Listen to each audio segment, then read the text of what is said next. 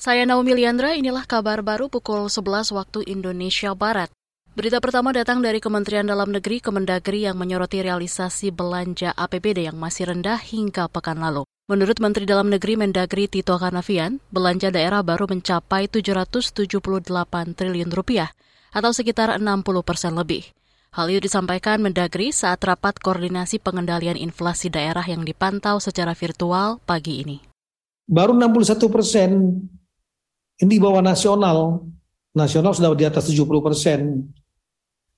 Baru 61 persen. Sekali lagi, 18 November 2022. Di bawah tahun yang lalu 64 persen. Baik di tingkat provinsi juga terjadi penurunan belanjanya. Kabupaten juga terjadi penurunan. Kota juga nurun dari 60 59. Mendagri Tito Karnavian menyebut lima provinsi dengan realisasi belanja APBD terendah, yakni Sulawesi Tengah, Kalimantan Timur, Maluku, Sumatera Selatan, dan Jambi. Sementara lima provinsi dengan realisasi belanja tertinggi yaitu Lampung, Jawa Barat, Banten, Jawa Timur, Jawa Tengah, dan Sulawesi Barat. Tito menambahkan rendahnya realisasi belanja ini berbanding terbalik dengan realisasi pendapatan daerah yang mencapai 909 triliun rupiah lebih atau sebesar 77-an persen. Kita beralih ke berita selanjutnya. Kalangan parlemen mendorong target vaksin massal polio dalam sepekan bisa terpenuhi. Anggota komisi yang membidangi kesehatan DPR Rahmat Handoyo mengatakan vaksinasi harus digencarkan terutama di 30 provinsi beresiko tinggi terinfeksi polio karena rendahnya capaian vaksinasi dasar. Rahmat berharap penetapan status kejadian luar biasa KLB polio mengakselerasi capaian vaksinasi dengan melibatkan seluruh pihak. Ya, karena ini sudah menjadi kejadian luar biasa dan di potensinya adalah ada potensi sangat tinggi, saya kira ya eh, puskesmas, terutama kepala daerah ya, kepala daerah menjadi motor penggerak untuk mengedukasi, mensosialisasikan melalui puskesmas, melalui kepala desa, melalui RT RW.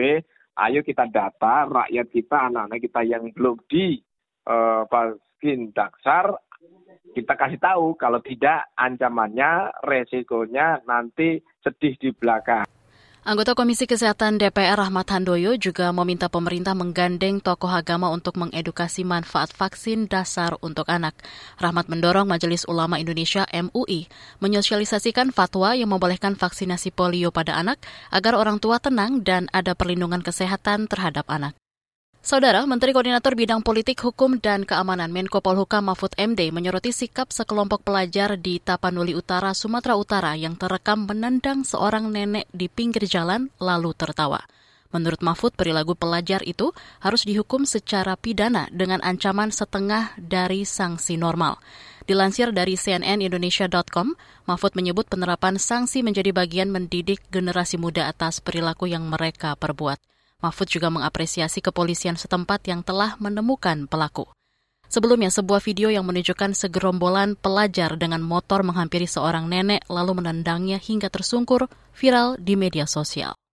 Demikian kabar baru, saya Naomi Liandra undur diri.